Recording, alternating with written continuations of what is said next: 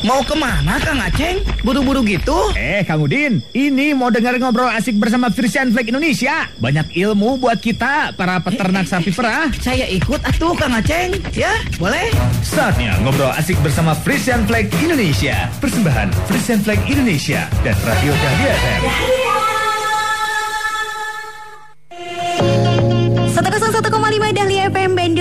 Bandung Goyang Sik Asik Assalamualaikum wargi Dahlia. Selamat malam Selamat menjalankan ibadah puasa yang sekarang udah mulai setengah jalan wargi Dahlia ya. Gimana masih kuat nggak? Masih dong. Harus semakin bertambah ibadahnya Semakin bertambah keimanannya juga Dan juga semakin bertambah ilmu-ilmunya juga untuk kawan peternak. Kenapa harus bertambah? Harus dong Karena seperti biasa setiap hari Jumat ya Jumat malam selalu hadir yang namanya Radio Bewara Frisian Flag Indonesia. Pastinya barengan sama Baby Alia selama satu jam ke depan wargi Dahlia ya.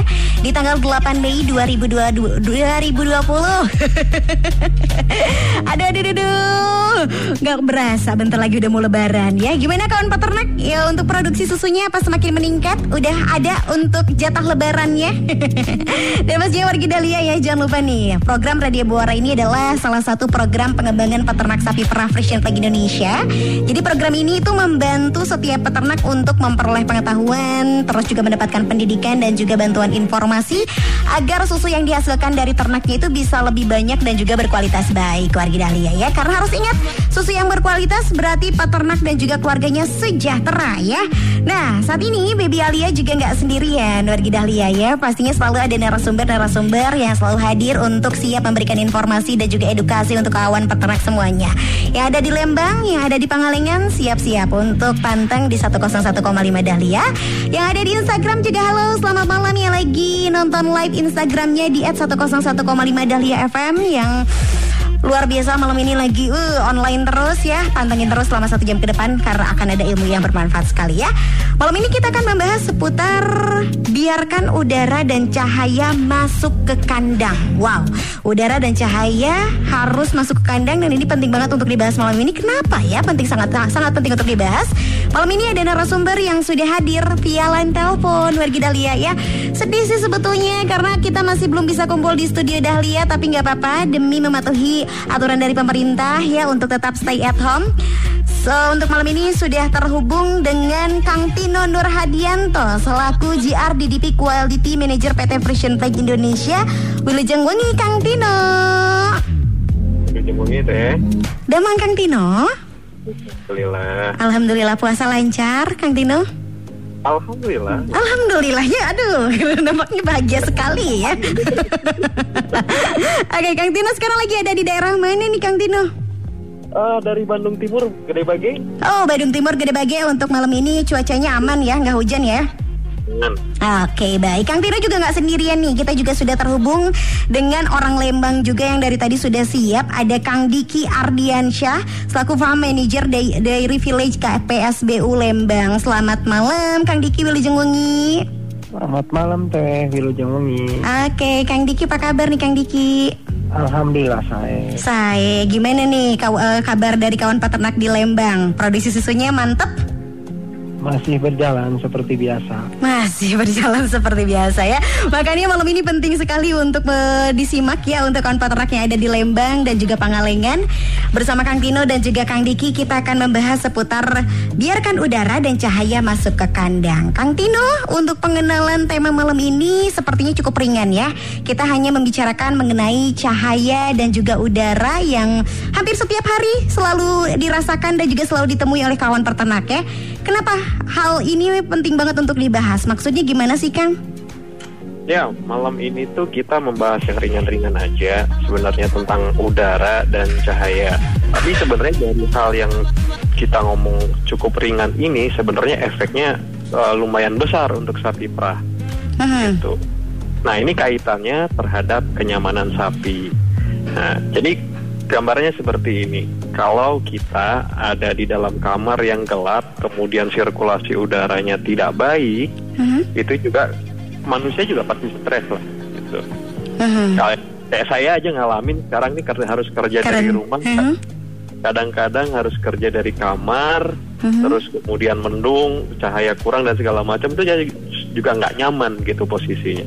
Mhm. Nah, kalau di sapi, ketika dia merasa tidak nyaman, otomatis eh, secara eh, keseluruhan aktivitas hidupnya tidak akan berfungsi maksimal. Seperti itu. Jadi dia akan lebih rentan terhadap sakit. Ketika dia sudah sakit, eh, akibatnya dia eh, tidak berproduksi secara maksimal dan lingkungannya akan menjadi lebih eh, mudah menginfeksi si sapi karena dengan kondisi yang lembab dan gelap itu otomatis namanya bakteri di sekitar kandang akan jauh lebih subur berkembang gitu. Oke baik ya sapi juga butuh cahaya dan udara biar nggak bilang "Ang, aku teh bete tahu cina ya. Kayak sapinya dari hidup sampai mati di kandang situ terus. iya. Oh, ma- masa nggak dikasih udara sama cahaya ya? Hmm, oke Kang Diki, kalau terkait sama udara dan juga cahaya, emang fungsinya untuk sapi perah apa sih Kang? Boleh diperjelas lagi Kang Diki? Boleh jadi seperti ini bisa dikatakan kalau udara dan cahaya itu bagian daripada disebutnya ada na- nine diamond. Hmm, Jadi bisa dikatakan kalau udara sangat berperan penting dalam proses hidup metabolisme itu itu sendiri, termasuk cahaya. Pada dasarnya seperti di alam luar, sapi terbiasa hidup bebas, udara ada di mana-mana, termasuk eh, cahaya terdapat di mana-mana. Sedangkan posisi sekarang rataan di kita itu sapi itu nggak dikencar ya teh? Ya iya betul. tapi itu dikandangin mau nggak mau berarti kondisi itu nerima apa adanya. Mhm. sedangkan kondisinya kan tiap kandang beda-beda. Hmm, mending kalau posisi kandangnya itu terbuka cahaya bisa masuk. Tapi kalau posisinya udah tertutup apalagi misalkan di dalamnya lembab jangan istilahnya bukan udara yang diisap tapi amoniak karena posisi kencing terus dari menyurnya itu sendiri Hmm, oke oke. Berarti ini juga sangat penting sekali untuk diperhatikan oleh para peternak ya. Makanya jangan ke mana-mana, panteng terus di 101,5 itu baru pembahasan awal dari Kang Tino dan juga Kang Diki untuk kawan peternak yang mau bertanya seputar peternakan, boleh langsung aja SMS ke 0852 0855 2111015 sekali lagi bisa WhatsApp di 0855 2111015 Wargi Dahlia. Dan jangan lupa juga nanti di akhir acara kita akan ada kuis persembahan dari Frisian Flag Indonesia. Jadi Wargi Dahlia panteng terus, jangan ke mana-mana, tetap di Bawara Frisian Flag Indonesia. 101,5 Dahlia FM. Dahlia FM. Dahlia FM. Radio nomor 1 di Bandung. Heh, malamun wae Kang Burhan. Masih mikirin corona? Ah bisa aja. Ini saya lagi merhatiin sapi saya. Ih, mulai stres ya Kang nih. Ngapain merhatiin sapi? Mending cari rumput. Bukan gitu, Kang. Ini sapi-sapi saya, kalau saya perhatiin teh, setiap saya buka plastik penghalang ini, mereka teh langsung pada berdiri dan kelihatannya teh senang. Apa mungkin senang kalau saya datang gitu ya? Tapi kalau istri saya buka plastiknya juga sama, Kang. Is, is, is, is, is. Aneh banget sih Kang ini. Namanya juga hewan. Biasa begitu. Ada orang datang, pasti pada berdiri semua. Tapi agak aneh, Kang. Ih, kayak nggak punya kerjaan deh si Akang. Hal begitu saja dipusingin. Apa kabar Kang Amin dan Kang Burhan? Gimana sapi-sapinya? Sehat semuanya ya? Alhamdulillah sehat semua dok. Cuma ini nih, Kang Burhan. Kayaknya kurang sehat deh, alias stres. Masa dia bingung kenapa sapi-sapinya pada berdiri kalau plastiknya dibuka? Dan kelihatannya senang katanya. Padahal menurut saya mah itu hal yang biasa aja deh. Sejak kapan ini Kang? Bagus satu, si Kang Burhan suka merhatiin kondisi sapi-sapinya. Kalau perilaku sapi seperti itu, tandanya memang sapi suka plastiknya dibuka. Karena memang dengan kandangnya tertutup, udara dan cahaya kurang bisa masuk. Nah, kalau sudah kayak gitu, sapi bisa stres kan? Makanya pas plastiknya dibuka, ya pasti sapi-sapinya senang. Untung Kang Burhan mengamati begitu, jadi bisa langsung ditindaklanjuti. Kan, kan, kan. Apa saya bilang? Benar kekhawatiran saya mah, Kang. Karena tidak biasanya seperti ini. Sejak kandang saya tutup dengan plastik, sapi-sapi saya teh mulai kelihatan tanda-tanda kayak begitu. Niat awalnya mah supaya air tidak masuk. Ternyata malah ada efek negatifnya. Wah, berarti saya harus lebih memperhatikan hal-hal detail tapi sederhana seperti ini ya, Dok. Iya betul Kang. Untung baru beberapa hari. Kalau indikasinya sudah terjadi sejak lama, bisa fatal loh. Saya bangga dengan Kang Burhan yang melakukan pengamatan terhadap sapi-sapinya. Ini adalah langkah jitu untuk menghindari kerugian, Kang. Kalau tidak menemukan solusi, segera tanya petugas atau dokter hewan ya, Kang. Oh, begitu ya. Sapi saya semuanya juga gitu, Kang. Dan kandang sudah lama saya tutup dengan plastik. Waduh, bahaya nih. Harus segera dibuka plastiknya. Wah, berarti semua sapi kamu bermasalah sama dong. Nah kan, setelah sekarang tahu manfaat udara dan cahaya yang masuk ke kandang. Yuk, kita benahi pelan-pelan. Kalau bingung, bisa tanya ke ahlinya. Dan jangan menyimpulkan sendiri, Kang. Panteng Radio, Dahlia. Enak-enak langgamnya. Enak-enak langgamnya. Goyang. 101,5 Dahlia FM, radio nomor 1 di Bandung.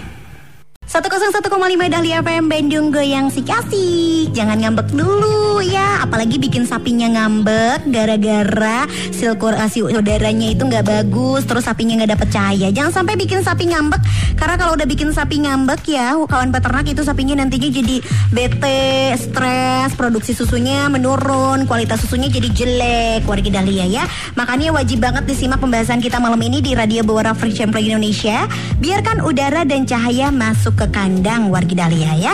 Nah, sebelum kita melanjutkan diskusi malam ini, Baby Alia dan juga Radio Dahlia ingin mengingatkan wargi Dahlia dan juga rekan peternak semuanya di Indonesia bahwa sesuai arahan pemerintah kita semua diminta dan dihimbau untuk melakukan social distancing wargi Dahlia ya atau jaga jarak sama orang lain agar virus COVID-19 ini atau virus corona tidak semakin luas penyebarannya. Jadi kita disarankan untuk di rumah aja wargi Dahlia termasuk untuk mendengarkan siaran Radio Bawara ini cukup di rumah aja untuk ngariung bewaranya kita tahan dulu wargi Dahlia ya.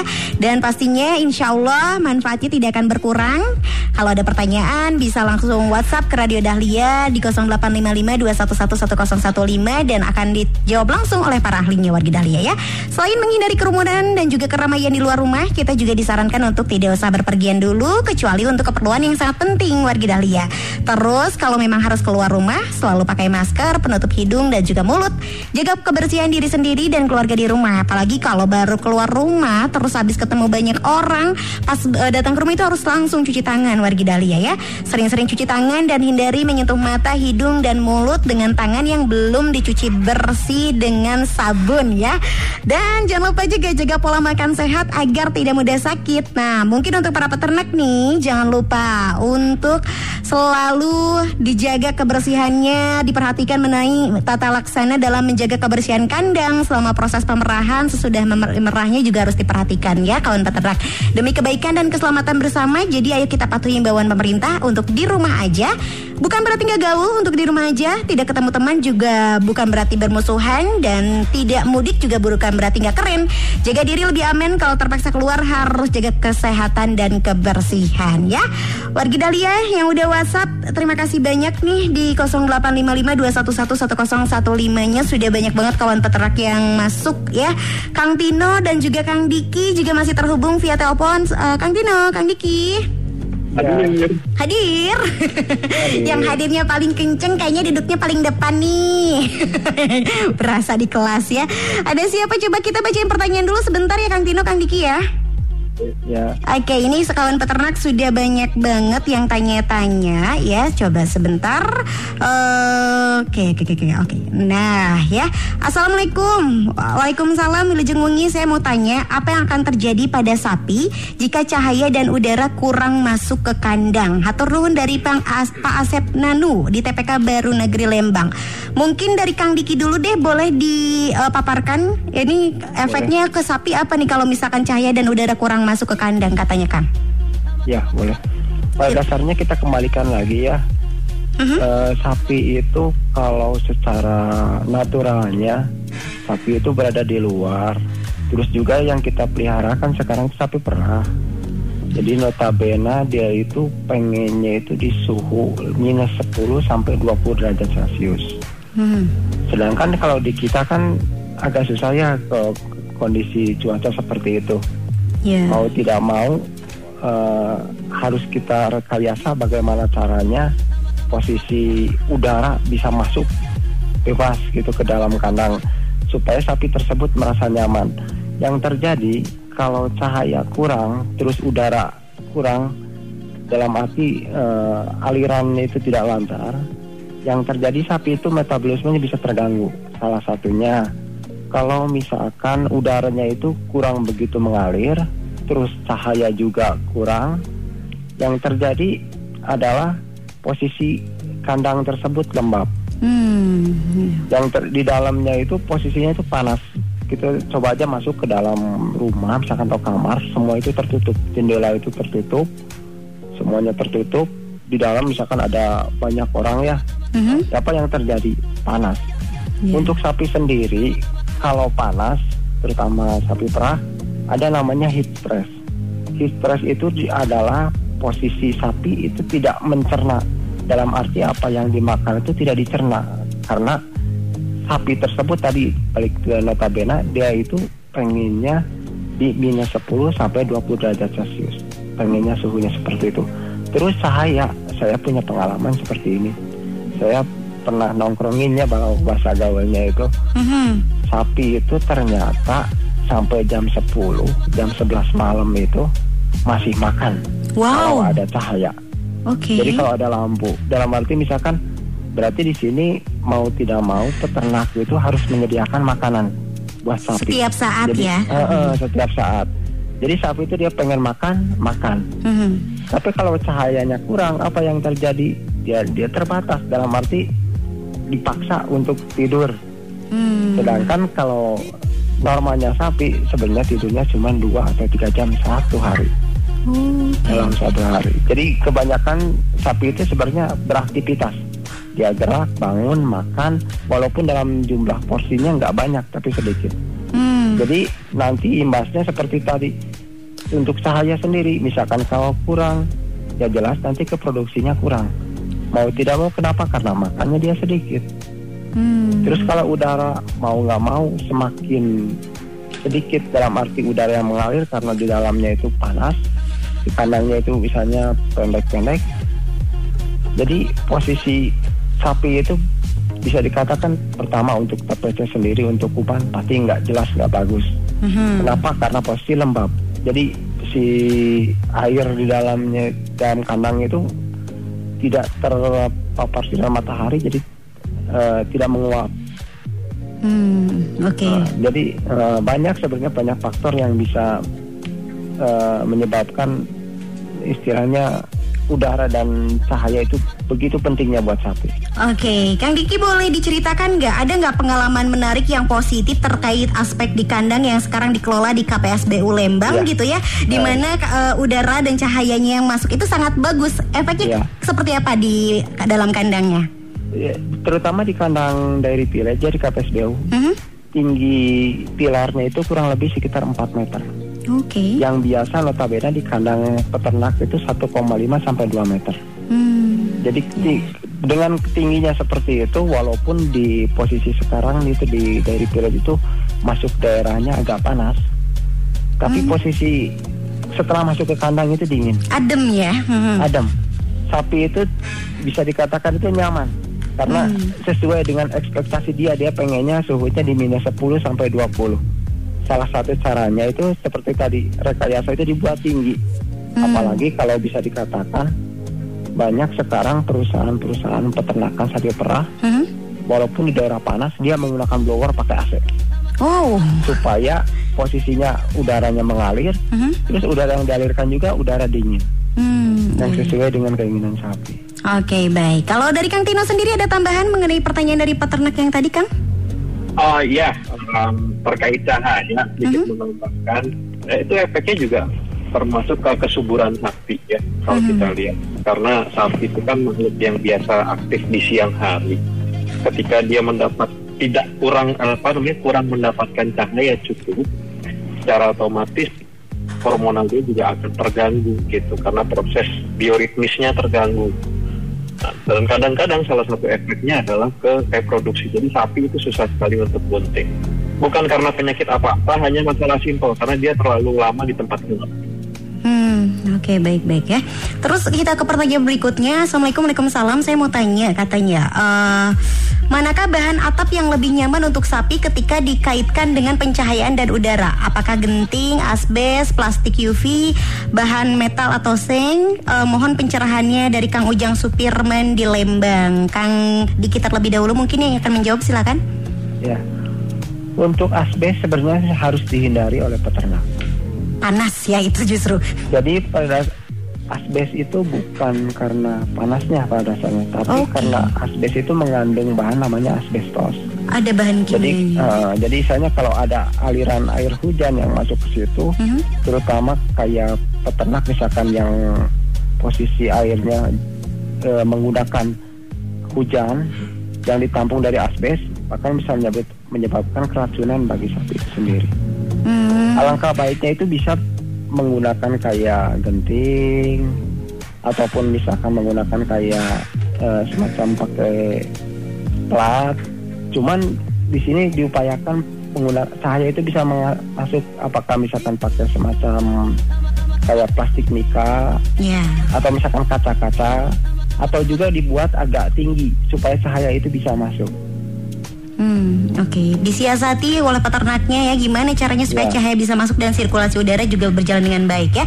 Eh, Kang Tino ini ada Pak Opan Sopandi yang tanya di TPK Cisangkui Pangalengan. Ada perbedaannya nggak pembuatan kandang di dataran rendah dan di dataran tinggi secara sirkulasi udara dan cahayanya kan berbeda katanya Kang Tino. Ya, betul. Memang Ah, sebenarnya prinsipnya tetap sama. Kalau di dataran tinggi kita itu, meskipun kita merasa kedinginan, tapi bagi sapi sebenarnya itu masih belum apa-apa.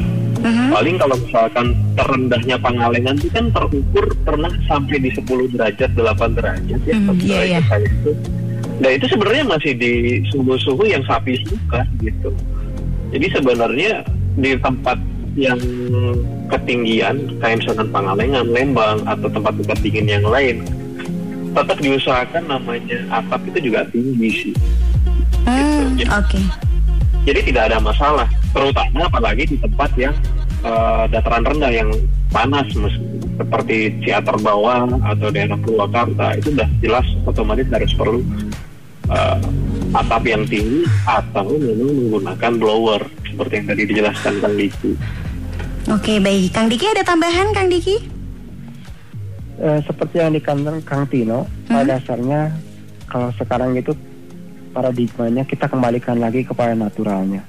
Jadi kalau kita pengen usaha sapi perah, apa sih sebenarnya yang diinginkan oleh sapi tersebut? Jadi misalkan kita sekarang eh, punya peternakan sapi perah, cuman kendala di kita misalkan eh, posisinya kita di dataran rendah. Kita harus berpikir bagaimana caranya posisi udara itu bisa bebas, terus eh, posisinya itu apa yang diinginkan oleh sapi tersebut. Mhm. Jadi posisinya agak dingin. Sejuk ya. Sapinya Sejuk. adem nggak stres ya. Jadinya nggak rebahan mulu ya. Dan pastinya se- rebahan ya. Dan pastinya Kang Tino sebetulnya kalau untuk berbicara tentang eh, desain kandang apakah memang untuk eh, siasat antar siasat untuk sirkulasi dan cahaya ini bi- bisa dipikirkan memang harus dari awal ketika mendesain kandang Kang Tino? Baiknya memang seperti itu, karena kan eh, menyangkut masalah eh, investasi di sini yang Mhm. tidak sedikit. Kalau memang kita bisa menginvestasikan sejak awal itu, itu akan lebih baik, begitu. Jadi biasanya kalau eh, profesional-profesional di peternakan, misalkan di Belanda, mereka ingin membangun kandang, arah matahari itu mereka akan lihat. Dia terbit dari posisi mana, Mhm. kemudian nanti tenggelam di posisi sebelah mana, kemudian arah angin secara periodik biasanya dari arah mana, nah itu akan menentukan posisi kandangnya akan menghadap ke mana, oh misalnya begitu. oke Itu sampai seperti itu kalau di Belanda. detail banget ya di Belanda tuh Detail ya banget. Mhm. Detail banget karena ya tadi ini melibatkan investasi yang tidak sedikit, gitu. Mhm. Oke, siap-siap. Kang Diki, sementara di KPSBU Lembang sendiri nih ya, kalau kondisi kandang sendiri apakah sudah cukup eh, memenuhi standar untuk sirkulasi udara dan cahaya yang baik di KPSBU Lembang? Alhamdulillah kalau Lembang juga Pangalengan bisa dikatakan kita terbantu oleh geografis Mhm. yang cukup dingin. Walaupun pada dasarnya sekarang itu paradigma masih salah. Dalam arti kita masih banyak turun temurun Ya. eh, dari kakek moyang bisa dikatakan eh, kita buat kandang ukurannya masih seperti itu, masih posisinya agak pendek. Terus istilahnya banyak faktor yang menyebabkan misalkan oh kenapa nggak dibuat tinggi? Apakah biayanya mungkin lebih sebesar atau takut mengganggu tetangga? Dalam arti bau atau apanya? Tapi pada pada dasarnya bahkan posisinya terbalik. Seperti keadaan di kandang saya di di Dairy Village. Mhm. posisinya pilarnya tinggi-tinggi. Masuk ke kandang atau kita keluar di kandang nggak terasa bau sapi. Walaupun di dalamnya banyak sapi Oke. Kar- karena aliran udara itu mengalir Hmm, iya iya. jadi iya. cahaya bisa masuk Hmm, oke. Halnya dengan posisi misalkan kandangnya agak pendek kita masuk ke kandang itu agak tengah Iya. Nah, kita pengen kayak misalkan paradigma tersebut berubah sedikit demi sedikit lah berubah. Kita pengen jadi bukan gaya turun temurun lagi, tapi kita kembalikan lagi pengennya sapi itu maunya seperti apa sih? Hmm, iya iya iya. Balik lagi ke naturalnya sapi adalah hewan yang pengen kebebasan ya, pengen udara yang begitu luar biasa, bikin nyaman dan juga eh, cahaya yang bikin nyaman. Satu pertanyaan terakhir lagi deh sebelum kita break dulu. Assalamualaikum Waalaikumsalam. Apakah kebutuhan udara pada induk ternak sama dengan kebutuhan udara pada pedet katanya? Soalnya pas musim angin gede, pedetnya kadang-kadang itu suka jadi kembung. Kang Diki mohon penjelasannya dari Teh Siti Anissa di TPK Pojok. Silakan Kang Diki. Kalau pedet pada dasarnya hampir sama dengan eh, indukan. Cuman kalau indukan lebih adaptasi terhadap lingkungan lebih lama. Dalam arti misalkan tiap pagi atau subuh misalkan kalian dibandingin sama peternak dengan air dingin, sapi tersebut biasa. Tapi kalau pedet bisa dikatakan dia adaptasinya baru.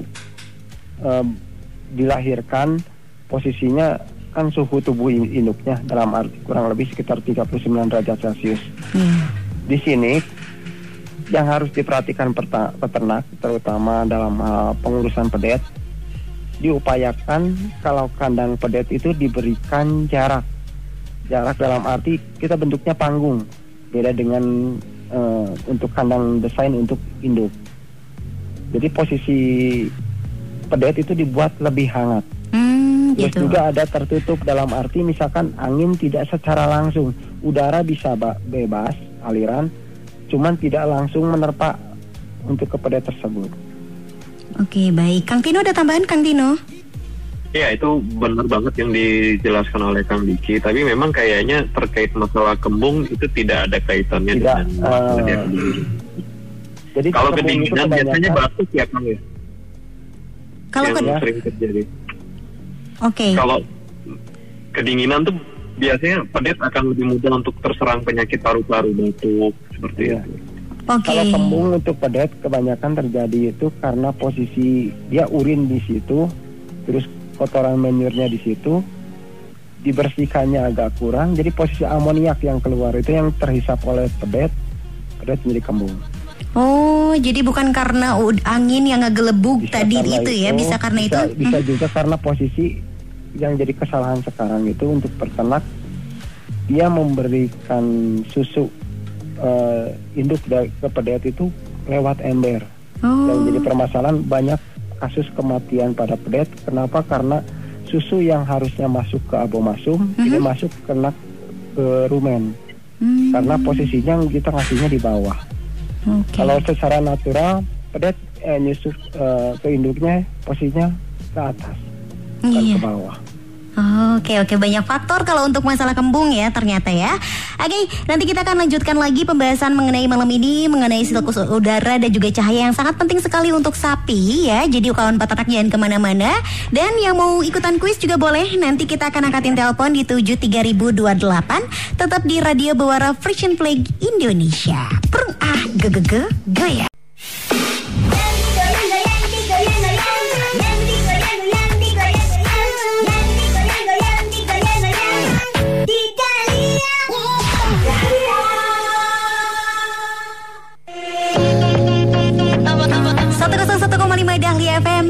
goyang. Satu 101,5 Dahlia FM by Bandung goyang si kasih Masih barengan sama Baby Alia pastinya di Radio Bawara Fresh Flag Indonesia Untuk edisi hari Jumat 8 Mei 2020 Wargi Dahlia.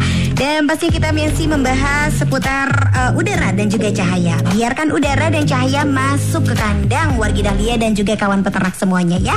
Masih barengan sama Kang Dino dan juga Kang Diki. Dan pastinya siap-siap yang mau ikutan kuis di 7000 di 73028 ya. Di 73028 Wargi Dahlia. Jadi pantengin terus Nanti akan ada pertanyaan dari Frisian Tech untuk dua orang pemenang ya.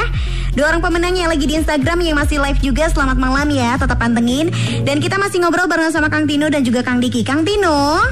Yes. Yes, kita masih membahas seputar udara dan juga cahaya. Kang Tino, apa yang sih yang sebenarnya harus dilakukan oleh para peternak? Yang sederhana aja supaya tahu apakah udara dan cahaya yang masuk ke kandang itu sudah cukup atau belum gitu, Kang? Iya, eh, jadi sih lebih ke arah kita merasakan menjadi sapi sih. Kita masuk lagi ke kandang, coba perhatikan.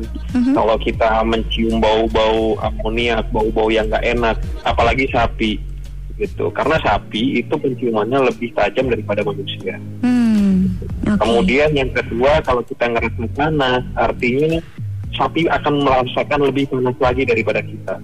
Gitu. Mhm, Oke. Kemudian perhatikan lagi itu langit-langit kalau banyak apa lamat lancah istilah istilahnya bahasa Indonesia banyak sarang laba-laba gitu ya. Nah itu artinya tanda bahwa sirkulasi di area-area tersebut tidak lancar. Jadi itu Oke. perlu ada uh, tindak lanjut itu memperbaiki. Hmm, oke. Perhatikan pokoknya tanda-tanda yang kurang mengenakan di kandang sapi dan coba res- rasakan jadi sapi sebentar saja gitu ya. oke, Kang Tino kita kuis dulu sebelum nanti ngobrol lagi sama Kang Dikinya juga ya. Di 73028 wargi Dahlia jangan lupa kalau Baby Alia bilang eh, Radio Bawara Fresh Flag jawabnya asik atau siap ya. Ada siapa coba? Halo, Radio Bawara Fresh Flag Indonesia. Asik atau Prung ah. Ruang jogo-jogo yang Sama siapa di mana baby? sama Aisugi Baby Alia. Hai Teh Ayu Sugi. Oh, Baby Alia. Udah pantengin dari tadi dong ya.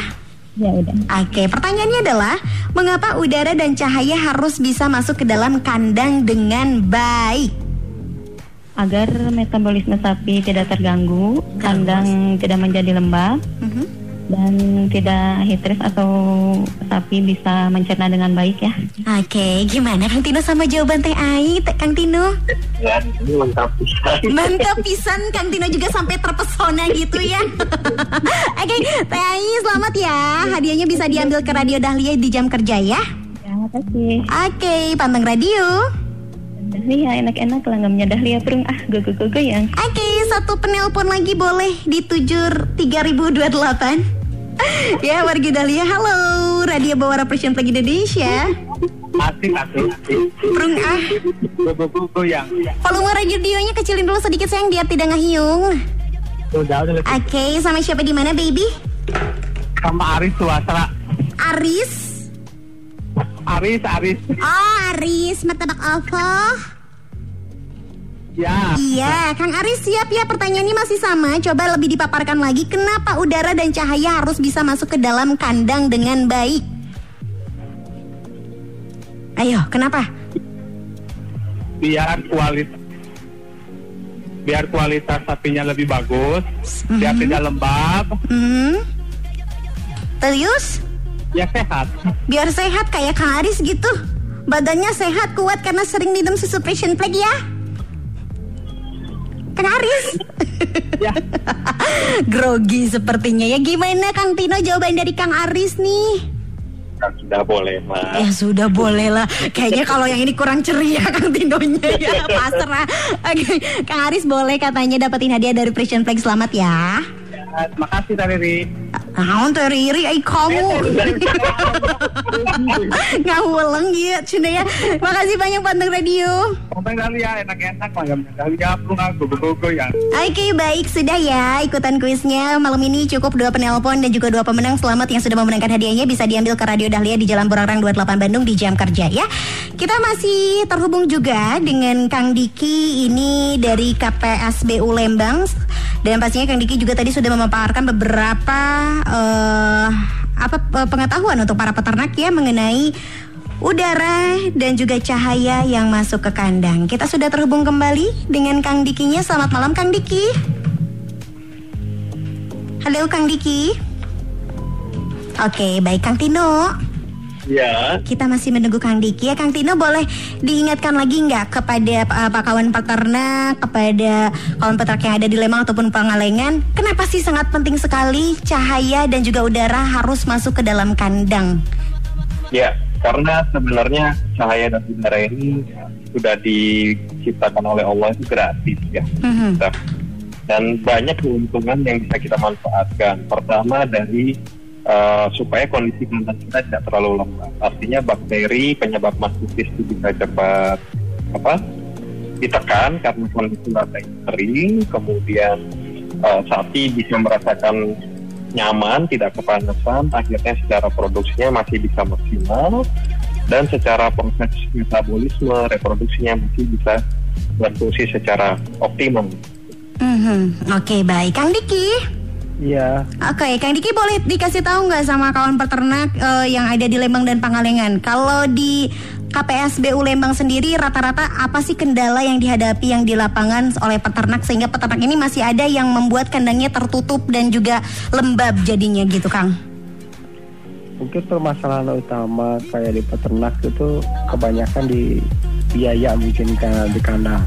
Pada dia pengen biayanya lebih murah, jadi posisi ke kandangnya nggak terlalu tinggi, terus istilahnya dalam segi pembiayaan dianggap agak lebih mahal kalau misalkan eh, lebih tinggi, misalkan saya bisa masuk. Tapi sebenarnya kalau dihitung-hitung untuk sapinya sendiri, terus untuk pengelola dalam arti orangnya itu lebih baik dan lebih sehat Mhm. jika misalkan dibuat lebih tinggi, udara bisa masuk, cahaya bisa masuk. Karena positifnya lebih banyak dibandingkan dengan negatif kalau kita pikirkan hanya sebatas biaya, ah mungkin lebih besar. Kalau Mhm. misalkan dibuat lebih tinggi atau misalkan cahaya bisa lebih masuk. Oke, baik. Oke. Terakhir Kang Tino deh, boleh dikasih kesimpulan dari pembahasan kita malam ini apa yang ingin disampaikan terakhir untuk kawan peternak yang ada di Lembang dan juga Pangalengan? Ya, kita manfaatkan saja potensi yang sudah diberikan sama Tuhan, sama Allah ini sebaik mungkin supaya produksi kemudian secara kesehatan sapinya juga optimal dengan mengoptimalkan sirkulasi udara yang masuk dan cahaya yang lebih baik di kandang. Oke, baik. Kalau dari Kang Digi kesimpulannya seperti apa kan malam ini? cahaya dan udara itu gratis. Sebenarnya itu anugerah dalam arti yang udah disediakan. Cuman tergantung kitanya sendiri bagaimana cara mengelolanya agar peternakan kita bisa lebih baik lagi. Oke, baik. Terima kasih banyak malam ini luar biasa loh pembahasan yang sederhana tapi sangat penuh makna Kang Diki dan juga Kang Tino nuhun pisan ya untuk eh, udah menemani kawan peternak malam ini. Mudah-mudahan diberikan kesehatan selalu dan selamat menjalankan ibadah puasa kembali besok hari ya. Siap, terima kasih banyak ya. Sampai jumpa nanti di studio Dahlia. Mudah-mudahan kapan-kapan bisa main ke sini ya.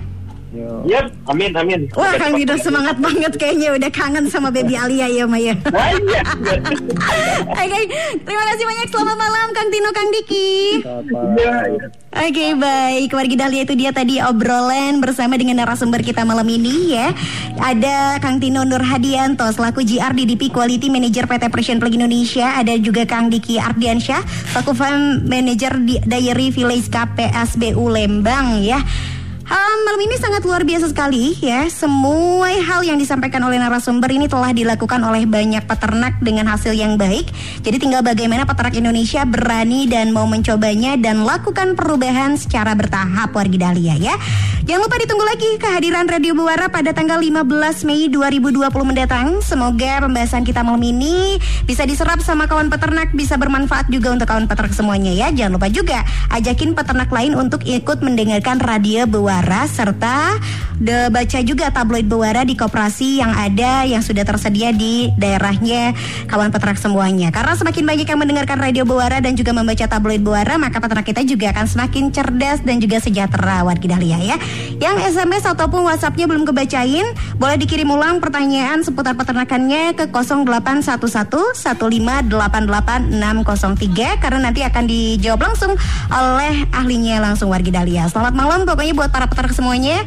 Selamat menjalankan ibadah puasa kembali. Mudah-mudahan selalu diberikan kesempatan untuk terus menambah kualitas ibadahnya warga Dahlia semuanya. Amin. Jangan lupa jaga kesehatan dan jaga keselamatan warga Dahlia dan juga keluarga. Rajin jaga kebersihan dan tetap di rumah aja. Baby Alia pamit dulu di Radio Buwaranya. Ketemu lagi sebentar lagi ya di jam 9 malam warga Dahlia di KIP Dahlia. Prung ah, go go go, goyang. Kang Udin, Kang Udin. Mo.